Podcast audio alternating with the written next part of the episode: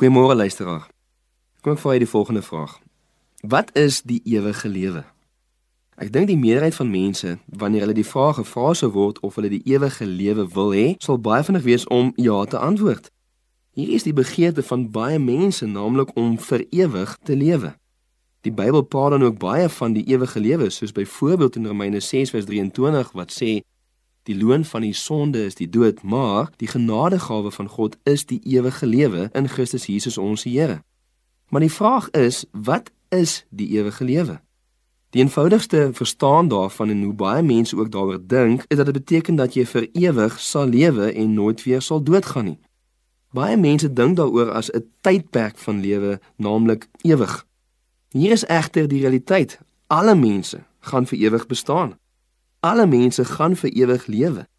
Die verskil is egter dat sommige gaan die ewige dood ingaan, naamlik om vir ewig in die hel te lewe, en ander gaan die ewige lewe ingaan, naamlik om vir ewig in die hemel te lewe. Jy sien wanneer die Bybel dan praat van die ewige lewe, praat dit nie net van 'n tydperk van lewe nie, maar meer spesifiek na 'n sekere tipe van lewe, 'n sekere kwaliteit van lewe. Jesus self het vir ons hierdie vraag geantwoord in Johannes 17 vers 3 wat sê en dit is die ewige lewe dat hulle U ken die enige waaragtige God en Jesus Christus wat U gestuur het.